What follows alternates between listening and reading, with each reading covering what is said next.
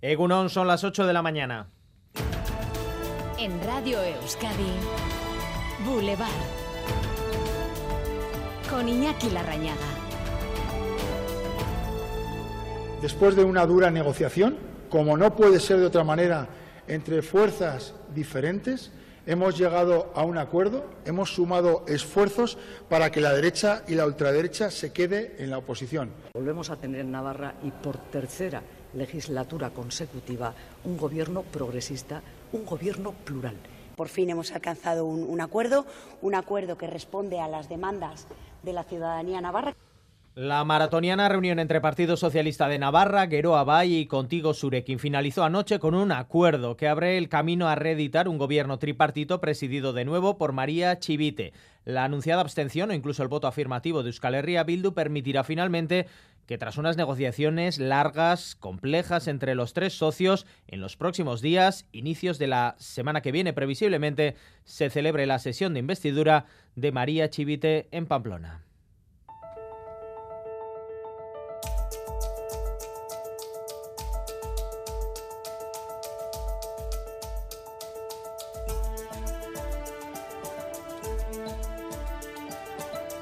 Navarra centra la información política. Esta mañana aquí en Boulevard, Ushue Barcos, portavoz parlamentaria de Gueroa Y Entre tanto, en otro plano político, el de las negociaciones para conformar el gobierno central, nuevo portazo a Feijó desde Euskadi. El Partido, Partido Nacionalista Vasco reafirma su negativa al gobierno de Feijó, al hipotético gobierno de Feijó, tras las insinuaciones que portavoces del PP han venido haciendo en las últimas 24 horas, apuntando que un gobierno en solitario, tras el permiso de Vox, habría un nuevo escenario.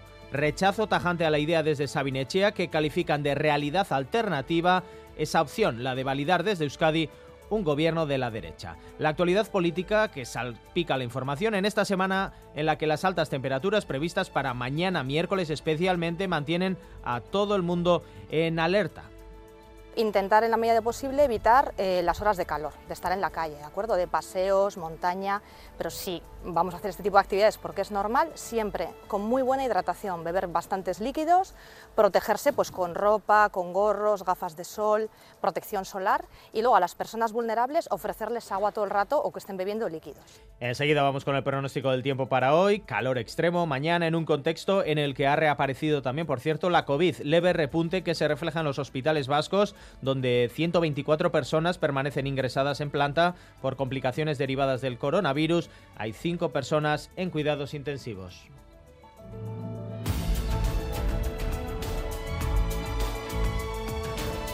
Les contamos además que en Vitoria-Gasteiz la policía municipal ha detenido a un hombre tras ser descubierto echando ácido en la puerta de la vivienda de su expareja, Ander López Lerena. Se sucedió durante la madrugada de ayer en el barrio de Chagorrichu. Una llamada alertó a la policía municipal de que un hombre de 45 años estaba echando ácido en la puerta de acceso a un piso del barrio, al parecer, donde residía su expareja. El hombre fue detenido por presuntos delitos de amenazas en el ámbito de la violencia de género y de quebrantamiento de medida judicial sobre tenencia de armas. Hoy penúltimo día de las fiestas de la Blanca, jornada para el disfrute de los blusas y nescas veteranos. Tras el día para los más pequeños de la casa, hoy día festivo dedicado a las nescas y blusas veteranos a las 9 de la mañana misa y aurrescu de honor en la iglesia de San Miguel, jornada en la que esta casa también tendrá relevancia. Hoy concierto de Unza en la Plaza de los Fueros dentro del ITB Casteagawa. Y Donostia se prepara también para su Astena Usia que arrancará este próximo sábado. Ayer presentaban el dispositivo de seguridad en la capital guipuzcoana. Habrá patrullas conjuntas de la Arzanza y de la Guardia Municipal en las zonas más concurridas como la parte vieja y gros dispositivo policial muy visual,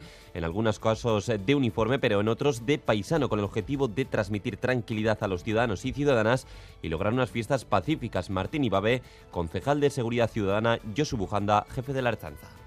El dispositivo es un dispositivo potente, eh, va a ser muy visual, transmitir tranquilidad y sobre todo colaboración y que la policía que van a ver en la, ciudad, en la calle, está a su disposición. Es un servicio público y que lo usen, que además va a haber dispositivos coordinados y conjuntos y que discurran las fiestas en ese sentido de una manera feliz y tranquila para todo el mundo. Eh, mediante patrullas conjuntas, mediante puestos de mando avanzado en aquellos eventos que se tienen relevancia de forma que se puedan conocer y afrontar y resolver de la mejor manera posible. Desmantelada en Lauquiz una plantación interior de marihuana con un novedoso sistema de extracción de calor. Ubicada en un chalet unifamiliar de la localidad de dos plantas, la plantación contaba con un sistema que disipaba el calor producido por las lámparas a través de cámaras de aire bajo en el suelo de la vivienda y dificultaba así la localización de la plantación. El detenido es un bilbaíno que se cree que distribuía también en el extranjero. Se estima que con la producción anual de hasta 125 kilogramos, el detenido obtenía un beneficio económico de algo más de 800 mil euros anuales y fallece una montañera de Don Esteve tras caer de un pico en Pirineos. Fue su pareja quien dio la voz de alarma. Ambos caminaban por el pico Monferrate en Huesca cuando, por causas que se desconocen, la mujer se precipitó por una altura de 400 metros. Un helicóptero se trasladó a la zona, pero nada pudo hacer para salvar la vida de la montañera. Y ha fallecido el director de la histórica película El Exorcista. William Friedkin falleció ayer a los 87 años de edad en Los Ángeles. Friedkin se dio a conocer con su taquillera película El Exorcista, que le situó en el Olimpo de los grandes directores de cine de terror de todos los tiempos en su currículum, títulos importantes también, como el clásico Contra el Imperio de la Droga, con la que ganó cinco premios Oscar. Y vamos cerrando portada con una noticia surrealista. José Luis Perales, autor de canciones conocidas como Un velero llamado Libertad, tuvo anoche que desmentir su fallecimiento, María Suárez. Incluso Wikipedia puso fecha de caducidad a la vida de Perales después de que anoche varios medios internacionales le dieran por muerto.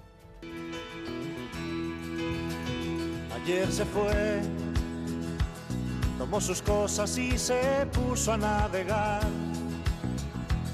Una camisa, un pantalón vaquero y una canción. ¿Dónde irá? ¿Dónde irá? Pero no, José Luis Perales no está muerto, está de vacaciones en Londres desde donde publicó este mensaje en su cuenta de Twitter. Hola amigos, os hablo desde Londres, un circo, un sitio maravilloso, un lugar precioso donde he pasado unos días con mis hijos, y con mi mujer y que ya no estamos a punto de marcharnos, pero de repente nos encontramos con que alguien, pues de muy mala idea, eh, pues ha dicho que me he muerto. Y la verdad que estoy más vivo que nunca, más feliz. Así que, Perales no ha muerto, pero esos minutos de fallecimiento virtual nos sirvieron para recordar que el cantante de Castejón, en Cuenca, ha vendido más de 50 millones de discos en España y Latinoamérica y ha compuesto canciones para tres generaciones de artistas. Y a su barco le llamó libertad.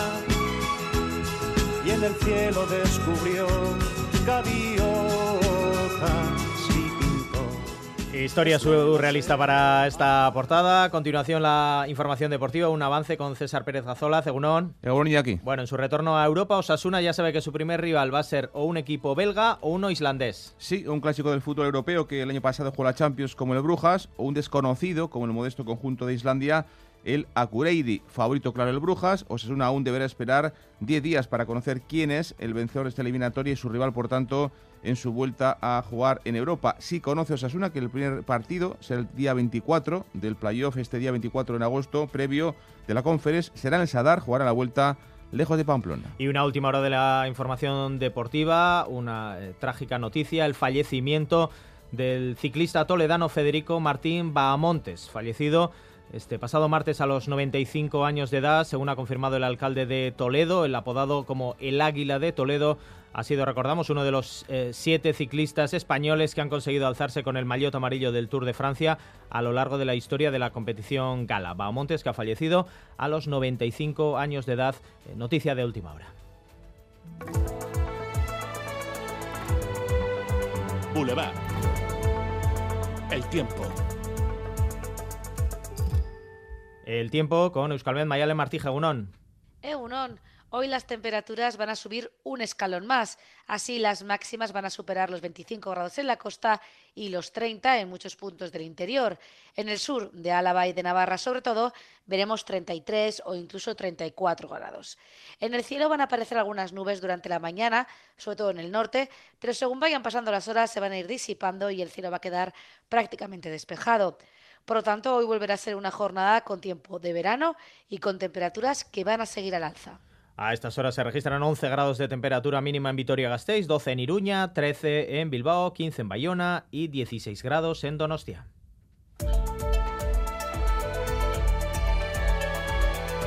Boulevard. Tráfico. Continuamos sin problemas en las carreteras, en la red viaria vasca, según la información del Departamento Vasco de Seguridad. En la dirección técnica, Yayo Mejón y José Ignacio Revuelta. Ayúdanos a mejorar nuestra información con tus comentarios, fotos y vídeos. Envíalos al WhatsApp de Radio Euskadi 688 840 840.